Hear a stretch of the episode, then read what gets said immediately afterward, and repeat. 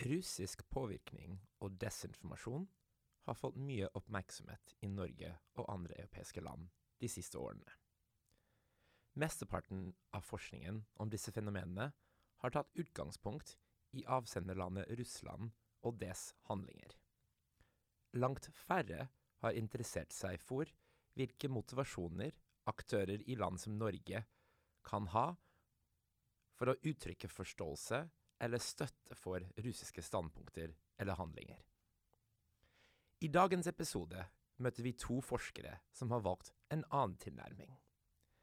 De har sett på hvilke aktører i den norske offentlige debatten har uttrykt forståelse for eller støtte for Russlands annekteringen av Krim i 2014, og hvilke begrunnelser disse aktørene har brukt. Som du vil høre, sammenfaller ofte argumentene norske offentlige personer bruker, med russiske talepunkter. Når det er sagt, er det grunn til å tro at disse norske aktørene har kommet fram til standpunktene sine helt på egen hånd. Med andre ord er de på ingen måte bare passive mottakere av russisk påvirkning.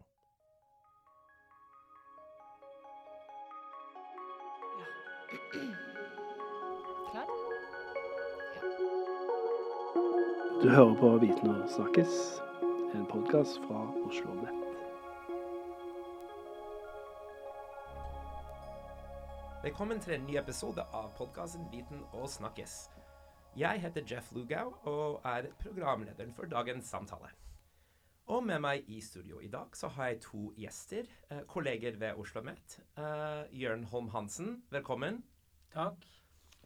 Og Marte Handå Myhre, velkommen. Tusen takk. Eh, Dere er begge forskere ved By- og regionforskningsinstituttet NIBR her ved Oslo Met. Eh, Og dere har begge spesialfelt. eh, Ja, Russland, Ukraina, eh, Øst-Europa. Er det noe jeg har glemt?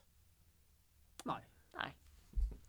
Dere har begge vært gjest i podkasten for ikke så lenge siden. Eh, og for dere som syns denne samtalen er interessant, så er det mulig å finne fram til den episoden jeg hadde med Marte og Jørn eh, tidligere i år. Jeg inviterte dere i studio i dag fordi dere er aktuelle med en ny forskningsartikkel. Uh, og den tar for seg annekteringen av uh, Krimhalvøya. Uh, og på, på hvilke måter ak forskjellige aktører i Norge har uttrykt enten forståelse for den annekteringen eller regelrett støtte for annekteringen. Var det en grei oppsummering av hva den artikkelen tok for seg? Ja, det er en grei eh, oppsummering. Um, uh, det vi har gjort uh, altså Artikkelen heter, den er på engelsk og heter 'Crimea will forever be Russian'. Dissenting Norwegian media discourses on Russia's annexation of Crimea. Uh, så det, vi har ikke studert det, den hva skal jeg si, mainstream-holdninga i Norge til denne annekteringa, og ikke det offisielle Norges holdninga til den. Men altså stemmer i norsk offentlighet som har gått imot uh, uh, det offentlige Norges eh, fordømming av denne annekteringa. Hvorfor valgte dere å ta for dere dette temaet? Stammer det fra noe, noen spesiell interesse eller noe prosjekt? Ja, det stammer fra spesiell interesse, men også et prosjekt som heter Prorus. som har en fin hjemmeside som man kan søke opp. Og det prosjektet dreier seg om eh, russiske samarbeidskanaler med Norge og det øvrige Europa. Og mange ville kalle det påvirkningskanaler. Dette var jo kanaler som faktisk var aktive eh, fra begge sider eh, fram til invasjonen av Ukraina i februar i år. Til tross for at eh, Krimhalvøya hadde blitt annektert i 2014. Der ser, der ser vi på hovedsakelig to typer sånne samarbeidskanaler. Den ene har vi kalt pragmatisk, som dreier seg om økonomi, energi, eh, teknologi. Eh, og den andre har vi kalt ideologisk. Så, og den dreier seg om sånn familiepolitikk, eh, eh, seksuelle mindretallsrettigheter og den type ting. Men også Ukraina-konflikten. Eh, og det er i den sammenheng eh, dette her inngår. Og grunnen til at vi gjør det på denne måten, og ser på både pragmatiske og ideologiske sånne samarbeidskanaler, påvirkningskanaler, er at eh, vi så for oss som en situasjon som hvor Eller vi har sett for oss at det russiske maktapparatet rundt Putin har vært sammensatt. Det har både vært sånne ideologiske hauker som har vært opptatt av liksom illiberalt konservative ideer. Uh, og gjerne avvisning av det øvrige Europa, det øvrige Vesten. Uh, men det har jo også vært folk der som har vært opptatt av økonomi og teknologi, næringsliv og sånn. Og det har ganske ulik holdning til det øvrige Europa. De har vært interessert i samarbeid. Og når Russland da skal samarbeide gjennom disse kanalene sine til Europa, så, så, er det liksom litt ulike signaler som kommer, og det er litt ulike typer ting man ønsker å oppnå. Og det er ikke sikkert uh, Det er ikke gitt at de som er opptatt av energi, har vært opptatt av energisamarbeid med Tyskland, eller teknologisamarbeid med teknologigiganter, er så veldig glad for at Russland profilerer seg som støttespillere til Le Pen og Alternative for Deutschland og andre sånne ting som man gjerne rynker på nesa over. Så vi har sett for oss at de liksom snubler litt i sine egne bein. da. Og Så kom denne invasjonen, og så ble ting litt annerledes. Men artikkelen vår handler om perioden før, før invasjonen. Tar for seg perioden 2014 til 2020.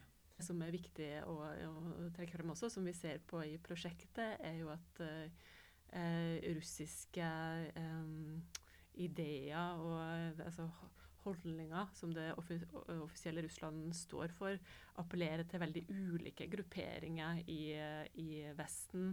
Eh, det har vært en del forskning på, eh, som Jørn var inne på, direkte kontakt mellom Putin og politiske partier her i Vesten. Men i dette prosjektet så var vi interessert i å gå litt bredere ut da, og se på hva slags meningsfeller er det Russland har, eh, og innenfor ulike politiske eh, grupperinger, uten å, forut, uten å, vite på forhånd at ja, han har sponsa de og de politiske partiene. Men hvis man, eh, hvis man ser på holdninger rundt en spesiell eh, sak, da, som f.eks. annekteringa av Krim, eh, hvem er det som gir uttrykk for eh, holdninger og meninger som sammenfaller da, med offentlige Russland sine, eller i hvert fall eh, går god for denne annekteringa, eh, og ikke, ikke, ønsker å bruke det ordet engang,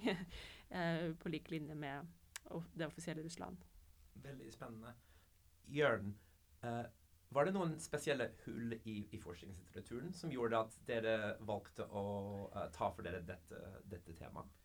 Ja, det var egentlig det. Fordi det er jo skrevet veldig mye om uh, russiske påvirkningsoperasjoner, russiske trollfabrikker og alskens uh, utspekulerte måter å påvirke politikk i andre land. Uh, personlig syns jeg kanskje det av og til er litt overdrevet når man ser at Trump vant i USA og Meloni i Italia og Le Pen nesten i Frankrike pga. russisk påvirkning. Fordi folk i disse landene er fullt i stand til å orientere seg selv. Uh, uten, uh, og det er ikke så veldig mange som ser på, på RT, altså den russiske propagandakanalen og sånn, men det er påvist at det har vært uh, gjennom sosiale medier informasjon, eller feilaktig informasjon, som kommer fra, fra kilder i Russland om om uh, innvandrere fra Midtøsten som har voldtatt tyske jenter og sånn. Uh, som da pisker opp under uh, fremmedfiendtlige holdninger, og som er til fordel for uh, ultrahøyre, nasjonalistiske og populistiske partier. Men det denne litteraturen overser i veldig stor grad, og hvor det er et hull, det er mottakerne av denne russiske påvirkningspropagandaen, eller brukerne av informasjon om hva som foregår i Russland. Uh, og det er der vi har satt inn uh, støtet, kan man si. Og langt på vei har funnet at uh, det er ikke sånn at folk sitter og primært forholder seg til russisk propaganda. Den når i liten grad fram, men, men folk følger med på hva som foregår. og så Eh, har de et eller annet underliggende tema de er opptatt av, nasjonal sjølråderett eller, eller eh, kulturell konservatisme osv. Og, så og så plukker de kanskje opp et og annet argument som sammenfaller med det som kommer fra, fra Kreml.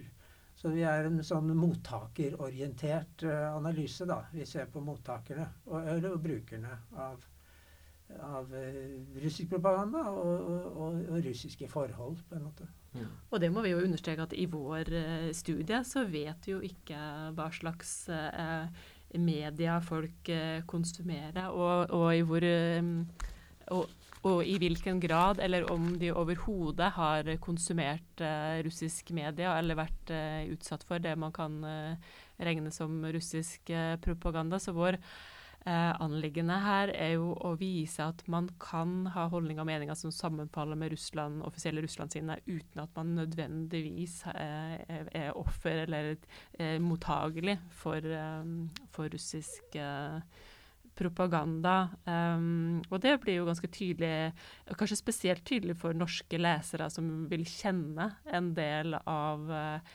debattantene som vi refererer til i uh, artikkelen, og som kjenner hva, hva de står for uh, ellers. Du trakk fram disse russiske trollfabrikkene, Jørn. hvor sofistikert vil dere si at russisk propaganda er? Altså, Hvor godt jobber Russland med påvirkning av uh, oss i Norge, men også andre i vestlige land? Det er et uh, veldig godt spørsmål, og det er litt vanskelig å si hvor sofistikert den er. På meg så virker den usedvanlig lite sofistikert overfor et lesende norsk publikum. Uh, den uh, treffer på en måte ikke mainstream. Det kan av og til kanskje treffe, har jeg sett, litt utenom denne studien vi har gjort her, men at den kan treffe folk som er illiberalt konservative hos oss. Det kan de gjøre. De kan ha en viss sånn sans for noe av dette denne argumentasjonen som kommer fra Russland om at familier, der skal det være mor og far, og det finnes bare to kjønn og den typen ting. men da igjen så vil jeg jo si at det må jo være lov å være konservativ. Eh, jeg vil ikke anbefale det personlig, men eh, det må være lov i et demokrati eh, som vårt uten å bli beskyldt for å løpe Putins ærend osv. Men, men det vi ser, er at men det går også ut, litt utover denne studien, men det man nå ser klare tendenser til, og som vi har tenkt å prøve å forske mer på videre i et annet prosjekt som jeg håper vi får tilgang til og får finansiert, det, det er hvordan hvordan denne retorikken fra Russland slår an i det globale sør. Og hvis man ser på noen av de talene Putin har holdt i det siste, så er det jo, har de blitt framstilt hos oss som at de er et fullstendig tullball. For, for vårt publikum er det det, men i det globale sør så slår de ganske godt an. Skummelt godt an. Spennende. Marte, har du noe å tilføye? Jeg vil nok være litt forsiktig med å, med å avskrive den russiske eh, hva skal jeg si, propagandaen som, som lite effektiv. Og, og her syns jeg ikke vi har nok kunnskap foreløpig til å, til å vite eh, i hvilken grad de har eh, påvirka oss. Men det, det, er jo noen eksempler som jeg tenker er sånn opplagt. F.eks., eh, og det er litt utafor denne studien, men som handler om Ukraina. ikke sant? Disse, de russiskspråklige ukrainerne eh, som eh, Putin og Russland hevder har vært eh, diskriminert og nærmest eh, forfulgt. Eh, og at dette er et narrativ som, som i noen grad har hva skal jeg si, funnet befesta seg i, i, i, Vesten, altså som, som en sannhet. Um, mens hvis man har vært i Ukraina og møtt folk som har snakka uh, russisk uten å ha hatt noen problemer med det uh, Nå snakker jeg før invasjonen, uh, så, så, har det vært, vært en overdrevet framstilling. Um, så her tenker jeg, her er det mye vi ikke vet i dette, i dette landskapet med ja, det, påvirknings... Uh, Sånne påvirkningsoperasjoner de baserer seg jo på flere ting. Det kan være direkte løgn, men det kan også være at man faktisk tar utgangspunkt i noe som er helt sant. Og det er jo helt sant at uh, det russiske språket i Ukraina, til tross for at uh, store deler av befolkningen snakker det, ikke har det samme eh, språklige minoritetsvernet, som f.eks. rumensk, ungarsk, og gagaos og tatarisk har. Eh, det er et faktum. Men eh, når man skal drive en påvirkningsoperasjon, så tar man utgangspunkt i det, og så blåser man det opp. Og framstiller det som eh, et enda større problem enn det det egentlig er. Og det stemmer jo med det har, de inntrykkene vi har. Vi har reist i Ukraina sammen. Russland gjort Veldig effektivt Ja. i en del tilfeller. Så har, har noen ukrainske politikere lagt ved på dette bålet og fått det til å Nettopp. Så det er en uh, vekselvirkning. uh, Ja. Vi har jo begge vært Vi har reist sammen i Ukraina. og Vi har jo spist uh, utmerket middag på en restaurant hvor det sto et stort skilt at her snakker vi statsspråket, og det er ukrainsk. Og lokalet er videoovervåket. Men det var jo ikke en sjel som snakket ukrainsk inni der, for dette var i Kharkiv i, i Øst-Ukraina. Så, så liksom eh, Det som er på papiret og det som er virkeligheten, er ganske forskjellig. Men propagandaen retter seg mot folk som aldri har vært i denne restauranten i Kharkiv, som da kan tro alt mulig rart om hvordan forholdene er. Og dette tror jeg er noe som gjentar seg. Dette er noe som er ganske likt sånn som, de, eh, sånn som vi forholder oss til konflikter andre steder i verden. Det kan være Midtøsten, eh, Latin-Amerika, Afrika osv. At vi sitter på avstand, og så bruker vi litt det som skjer der. Eh, fortellinger fra ikke sant, Narrativer fra, fra disse konfliktene. Litt til vårt eget politiske kram. Hva enten vi er på høyresiden eller venstresiden eller i midten. Og ofte med litt sånn tynn kunnskap til hvordan det egentlig er på bakken. Så det, egentlig er ikke dette Russland-eksempelet kanskje så spesielt som vi liker å tro det, som russlandsforskere. Og det igjen er et sånn eh, forskningsområde som er litt lite forsket på, merket jeg. For jeg prøvde å finne litteratur om hvordan utenrikspolitiske forhold slår inn som uh, politiske temaer i debatten, og kanskje skillelinjer innad i, i enkeltland da, i Europa. Og det er det skrevet lite om, i hvert fall hvis mine søkemetoder er eh, holdbare nok. Eh, apropos søkemetoder, så, um, så tenkte jeg vi kunne gå tilbake til eh, studien deres. Um, hvordan gjennomførte dere studien, rett og slett? Mm -hmm. den er basert på et artikkelkorpus som vi har samla gjennom en database som heter Atekst, som lar en ved, bruke søkeord søke i veldig mange norske nyhetskilder, da, aviser i dette eh, tilfellet. Så da søkte vi ganske bredt i de, alle de store norske avisene, men også en del eh, lokalaviser, spesielt eh, noen i Nord-Norge. som Eh, Nord-Norge er jo kjent for å ha et eh, litt nærere forhold til Russland. Samarbeid på tvers eh, av grensa. Og også noen nettplattformer eh, som er kjent for å være hva skal jeg si, lengre til høyre eh, eller lengre til venstre eh, i, det, i det norske medielandskapet. Eh, og for å eh, nå da, til disse stemmene eh, i norsk offentlighet som var villig til å, eh, til å akseptere Krim som en del av Russland, så kunne vi jo ikke bruke søkeordet Krim, for da kommer jo alt som omhandler krimlitteratur og, og alle mulige brudd, på, brud på Mm. loven. Um, så vi var nødt til å bruke eh, flere ord. Så um, søkestrengen krim er russisk, eller, eller altså å anerkjenne, eh, ordet anerkjenne, eh, og, og Krim og Russland. Um, eh, og da, etter litt sånn finsortering, for vår kriterier var at eh, disse tekstene eksplisitt eh, altså godtok, eller var villig til å akseptere Krim som en del av Russland. Eh, så satt vi vel igjen med en vel 100, mm, 100 avisartikler som vi eh, eh, analyserte nærmere og så på, eh, på hva slags eh, tematikk som eh, um, dukka opp der, skulle jeg til å si, og, og, og hvordan spesielt da, eh, det ble argumentert rundt dette med at eh, Krim eh, ble, ble godtatt å være en, en naturlig del av eh, Russland, eller støtte da, til, eh, til dette synspunktet. Fant dere noen tendenser, eller sånn eh, altså, type argumenter som ble brukt, som gikk mye igjen?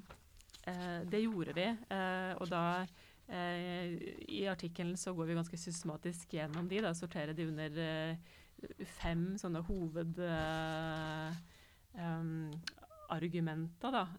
eller knippe av argumenter, som kanskje er mer presist. og det første er jo det som går på at at Krim Krim er russisk som en følge av den folkeavstemninga som, som, fant sted ikke lenge etter eh, annekteringa, og eh, debattanter som, eh, som, mener at dette var en reell eh, folkeavstemning, en man må lytte til, og en man må kjøpe som Krimhalvøyas eh, vilje til å eh, tilslutte seg Russland. Altså, her er ikke, her er ikke eh, verbet 'annektere' brukt. ikke sant? Det er andre eh, verb eh, som brukes for å uttrykke at det Krim er blitt del av Russland. som ja, et resultat av folket på Krim sin vilje. Og det, for våre lyttere som ikke husker det, det strider, hvis jeg, husker, hvis jeg husker riktig, mot den offisielle norske um, tilnærmingen til den folkeavstemningen, og for så vidt også uh, tilnærmingen som så å si alle vestlige land hadde. Det er helt riktig, for, for, dette er jo fordømt som et brudd på folkeretten, og det er vel hovedargumentet til det offisielle Norge og, og uh, de fleste andre europeiske land, at dette er et klart folkerettsbrudd. Eh, eh, noe jeg selvfølgelig personlig også støtter. Eh, Folkeavstemningen ble jo heller ikke gjennomført i henhold til det som er standard for den slags hvis man skal løsrive territorier. Det er en lengre prosess. Mm.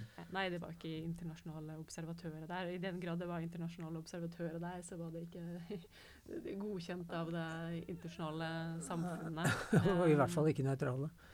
Nei. Dere hadde fem eh, knippe argumenter. Eh, hvilke andre møter dere på? Eh, og så er det eh, mange som er opptatt av eh, realpolitikk. Eh, og nærmest sånn hvis man er liksom inne i sånn internasjonal politikk og Uh, og teori. Uh, så dette realismeparadigmet, da, ikke sant, hvor alle stater det er i sin fulle rett til å kjempe for sine interesser.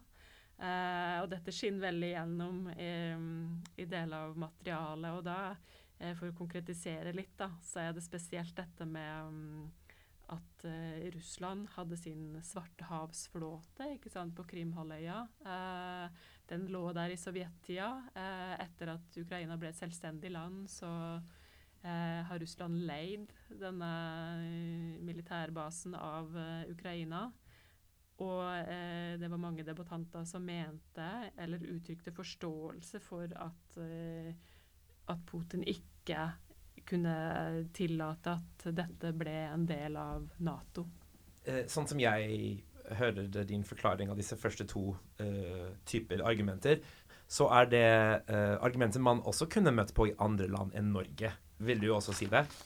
Ja, eh, det vil jeg si. Og vi har også et tredje sånn argument som du ja. kan si man vil kunne finne også i andre land, og, og kanskje ja, ja, i minst like stor grad, og det er dette med Vestens doble standarder. Og det er jo noe Putin har spilt på lenge.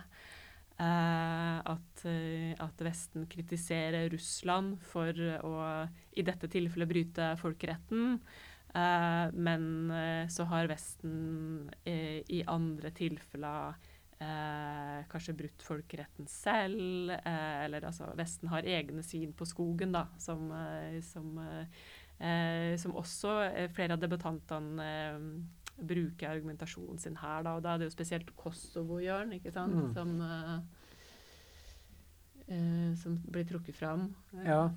Men også i krigen i Irak og, og Libya og, og her er det jo interessant at det er noen som eh, rett ut sier at de er ikke så opptatt av om Krim er russisk eller ukrainsk, men eh, man snakker om det som et folkerettsbrudd, mens man, mens man glemmer helt palestinerne i, i, Israel. ikke sant? Så er det en sånn eh, eh, Et eksempel på at, på at debattantene har, har andre agenda da, som de fremmer eh, oppi dette her, eh, og ikke nødvendigvis eh, eh støtte Russlands annektering.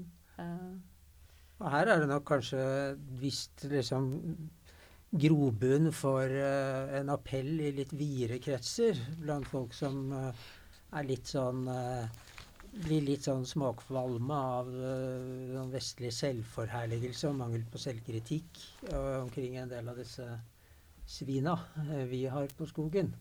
Men logikken blir jo litt haltende, fordi at hvis Vesten har gjort noe galt, så blir det jo ikke noe bedre av at Russland gjør det samme. Nei, det blir en slags race to the bottom. ja.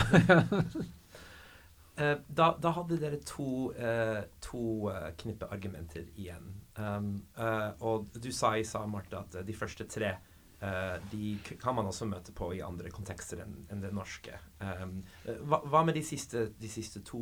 Er de litt mer sånn spesifikke for vår debatt og vår klima her? Eh, både, både og. Så det ene vi ikke har nevnt nå, er dette, disse som drar på, på um, historien eh, i sine argumenter. Eh, og i dette, hvis vi kaller det knippeargument, for her er det um, historien brukes på litt ulike måter. Eh, og da er det disse som eh, i likhet med eh, det offisielle Russland eh, peker på hvordan Krimhalvøya ble en del av eh, Ukraina under eh, Sovjetunionen, og som mener at eh, dette ble jo ikke gjort gjennom en folkeavstemning på Krim f.eks. De mener at den ikke er legitim i så måte, sånn at Krim egentlig burde vært en del av, eh, av Russland. Eh, at den har vært det historisk sett, at den fremdeles burde være det. Så det er et sånn historisk argument. Men så har du også de som trekker, trekker paralleller til, eh, til andre historiske eh, hendelser, også her, um, her hjemme. Eh, hvor, hvor landområder eh, som vi i dag eh, Eh, regnes som en helt naturlig del av Norge. Det var noe sånn Trøndelag på 1600-tallet. Jeg er ikke så stø på sånn eldre norsk historie. Men, Jämtland og Herjeland og Bohuslän. Ja. Uh, at det i dag tar vi som en selvfølge, som en del av vårt, vårt, eget land. Men her så trekkes det en parallell Det er da på samme måte så er Krim ikke sant, tilbakeført til, Såpass, ja. til, til, Russland. så her man vil um, uh, Ja, dette blir jo Kan man jo uh, Det er mye snakk om sånn whataboutism, ikke sant. Og dette her er jo uh, Man kan alltid finne eksempler som ligner på Men, men det er i hvert fall um, også um, argumenter som, som brukes men i denne den, den der historiebruken er jo sånn vi syns den er litt komisk hos oss når vi begynner å snakke om Jämtland og Herredalen og sånn, men dette er jo helt vanlige ting i de østlige delene av Europa. Du har jo Hvis de, liksom, de mest nasjonale kreftene der skulle vise kart over landene sine, så ville alle landene bli veldig store.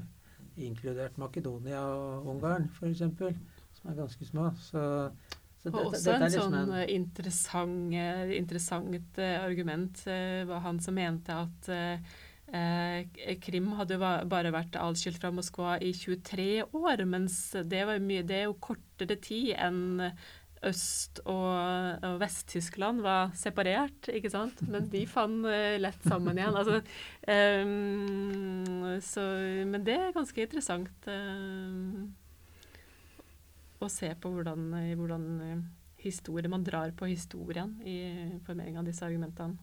La oss da gå over på, på, det, uh, på det, siste argumentet man møter. Uh, kan du beskrive den for oss, Martin? Det siste argumentet, ja, det er jo det ligner for så vidt på dette vi snakker om i realpolitikk i forhold til Russlands interesser. Men, men, det vi også ser i materialet, er jo at det er debattanter som er opptatt av Norges suverenitet og hva som er i Norges interesse. Uh, og her, uh, og det uh, sier vi også litt om i den innledende fasen i artikkelen, altså det historiske forholdet mellom Norge og Russland. For det er jo spesielt på mange måter. Vi har jo en, en felles grense. Og Norge har aldri vært okkupert av Russland. vi har derimot eh, blitt frigjort av eh, Den røde armé etter andre verdenskrig. Og, og eh, det ligger et sånn eh, ja, eh, narrativ der av Russland som våre eh, redningsmenn. Og det finner vi også igjen i dette um, materialet. De som er bekymra for det gode naboskapet, og hvordan vår kritikk da, av denne annekteringa kan kan ødelegge for vårt uh, historisk sett gode naboskap uh, med Russland. Uh, og så har vi andre da, som er mer på denne realpolitiske linja hvor, det, hvor vi er best tjent med sånn økonomisk og på, på, mange måter pragmatisk ved å ha et godt, godt forhold til Russland. Og Der trekkes jo gjerne fram sånne ting som fremdeles i dag trekkes fram, at det er viktig at vi samarbeider om ting som er av felles interesse, som bevaring av torskestammen, søk og redning til havs, atomsikkerhet og den typen ting. Og her er det også det som ikke har nevnt, som også er interessant, er jo at um, dette med, med norsk, norsk, suverenitet, at de er opptatt av at Norge ikke som blindt skal følge EU og USA. og De mener at vi er bare en sånn uh, vi en slags sånn uh, nærmest fotlenke, eller at uh, at vi ikke tør å stå opp for våre egne interesser. Uh, og dette tenker jeg det er et argument som går langt utover det å støtte russ, russiske holdninger, russiske meninger. Dette dette er på en måte et argument uh, i seg selv, og en sånn um, en holdning da, til internasjonal politikk og Norges rolle i verden um, som noen har. Det er nok et spor hvor Russland har hatt en del eh, gjennomslagskraft, eller eh, har kunnet nyte en del respekt og tillit i flere europeiske land. Ikke nødvendigvis at de går god for alt Russland gjør, men Russland er jo en veldig sterk talsmann for suverenisme. Altså det å ta avstand fra forpliktende internasjonalt samarbeid. De vil, de vil jo ha minst mulig egentlig av det. Og sånn sjølråderettsideologi er jo, er jo da ganske tett opp til den, uten at den nødvendigvis er inspirert av Russland eller står i ledtog med Russland på noen som helst slags måte. Men det er et slags ideologisk sammenfall der, da. Så dette med, med multipolaritet. Ja. Uh, Uh, og det ser vi jo. Vi ser jo spor av en, en antiamerikanisme. Altså at uh, det er debattanter som tror at, uh, at Ukraina nærmest har vært kontrollert, styrt av en sånn Som har vært en sånn marionette da, til, til mm. USA. og så kommer fram i, i materialet her. Og da tenker jeg da er det litt sånn videre enn å bare være en sånn støtt, støtte til Russland. Altså det er en slags tro på hvordan ting fungerer, eller mm. ikke fungerer her i verden, da. Vi går snart inn for landing. men jeg må si dette er en, et utrolig spennende tema dere har sett på. og, og um, for en som meg, som har lest veldig mye om um, Russlands krig mot Ukraina, Uh, så må jeg si at det er, det er mange argumenter dere uh, har funnet uh, som en del av denne studien, som jeg, som jeg, kjenner igjen. Som jeg som leser av et ganske bredt utvalg av aviser og kilder i Norge, og aviser og nyhetskilder fra Storbritannia og USA, kjenner igjen. Er, er, det noe, er, det noen av disse argumentene som dere vil si overrasker dere mest? Jeg tenker at Det som er mer overraskende her, eller kanskje interessant når du ser dette på papiret, er jo bredden i, i, aktører som uh, nedslagsfeltet da, for den type uh, holdninger eller uh, For det er jo um, navn her som vi refererer som, som man overhodet ikke tenker på som noe Russlands apologet. Eh, og så er det andre igjen som selv etter invasjon er åpent pro-Kreml og um, støtte invasjon. Uh, det, er et fåtall. Altså, men de fleste her vi, vi, vil bare anta at de fleste vil være ubekvemme med, med invasjon. Altså, og, uh, og, det reflekterer vi over i, i artikkelen altså selv om disse, disse ikke har som sin agenda å være støttespillere for Russland, så kan jo så Russland står jo helt fritt til å plukke opp disse meningsytringene og eh, bruke det eh, i, i, sin eh, propaganda, om du vil. hvert til et hjemmepublikum. Det ser vi jo i russiske medier, at de, at de plukker, plukker villig opp eh, eh, europeiske stemmer som, som, støtter deres sak, og som kanskje er med på, på å skape et sånn unyansert bilde av støtten Russland har eller ikke har i i eh, Europa. Dette er ingen advarsel om folk til å begrense seg i norsk Nei. debatt. Det vil jeg understreke. og det er ikke, det er ikke vårt anliggende med denne artikkelen.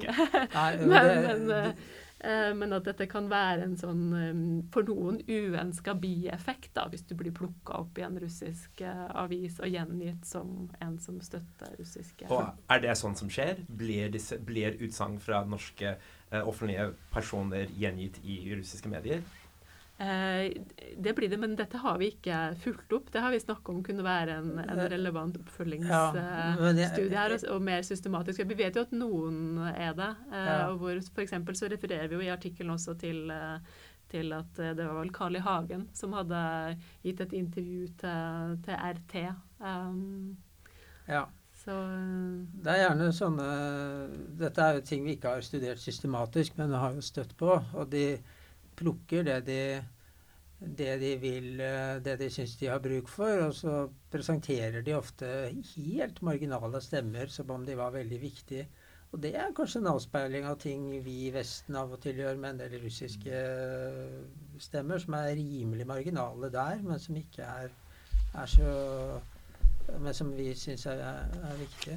Så vi vil i hvert fall advare mot at folk eh, legger bånd på seg av redsel for å bli brukt av, av, russisk propaganda. For da må man også huske på at russisk propaganda kanskje mer enn Eller i hvert fall uh, veldig ofte bruker sånne antirussiske utsagn i sin propaganda og plukker opp og gjengir når de er sånn helt hinsides Eh, på en måte hinsides eh, realitetene. Og det er noe de har, brukt ganske aktivt. fordi det, det, er ting vi kan si om Russland her hos oss, siden folk ikke vet så mye om Russland, som, uh, som går hjem her, men som for russere er bare komisk å høre. Og som, og som kaster litt sånn dårlig lys på de, de opposisjonelle i Russland. fordi at de får da se hvem dere samarbeider med, De er jo helt rabiate, ikke sant. Sånn at uh, Det er en ting vi må, må, huske på. Også de som da kommer med rabiate utsagn mot Russland, som, altså, som, ikke er faktabasert, da. Uh, husk på at de også kan bli brukt veldig aktivt i russisk propaganda. Men det, det vi har sett i, i studien vår, er at det er, det er jo veldig mange veldig respekterte folk. Og det er folk på høyresiden i politikken, folk i sentrum, folk på venstresiden i politikken som er med i ganske jevn utstrekning, vil jeg si. Det er ikke noe overvekt på den ene eller den andre siden. Og det er, og, og det er prominente fagfolk eh, som er, eh, er framme. Og så er det en liten gruppe av sånne som vil forsvare Russland uansett. Men de er veldig marginale. Så de spiller en veldig liten rolle. De som da eventuelt kunne mistenkes for å ha en sånn direkte link til noen aktører i eller rundt Kreml, de er så marginale at, og har liten gjennomslagskraft, tror jeg vi kan si. ja, og dette, jeg tenker at dette er litt fint å bli minna om da, i denne situasjonen som vi er i nå, hvor, hvor uh, Russland uh, har helt uh, ubegrunna invadert uh, Ukraina, og vi ser på all denne volden og, og ondskapen, og Russland for oss framstår som en sånn eh, om ikke ondskapens akse, så, så Det er i hvert fall episentrum? I hvert fall episentrum, ja. Eh, at, at, vi fremdeles eh, vi, vi, kan jo ikke slutte å, å studere Russland og eh, være opptatt av det som skjer der, og at Russland altså meninga som det offisielle Russland kommer med, selv etter invasjon, kan ha gjennomslagskraft. Eh, om i mindre grad hos aktører i Europa, så i hvert fall i andre deler av verden. Og det ser vi også på disse avstemningene i FN. Eh, at det er ikke alle som, eh, som fordømmer eh, invasjon av Ukraina på samme måte som eh, vestlige land. Og man vil finne at noen av disse tropene, vi, eller argumentasjonsknippene uh, som vi snakker om i denne artikkelen, vil uh, um, uh, finne gjenklang i, i en del land, store land i, i, sør, blant annet. Dette er veldig spennende forskning dere driver med. Uh, jeg gleder meg til fortsettelsen. Uh, dere har mange gode ideer å, å følge opp. Uh, og, og, med det så vil jeg takke dere for at dere var med i studio i dag. Marte, Jørn, takk for at dere kom. Takk selv. Takk for at vi fikk komme. Og takk til deg som hørte på. Vi hørs.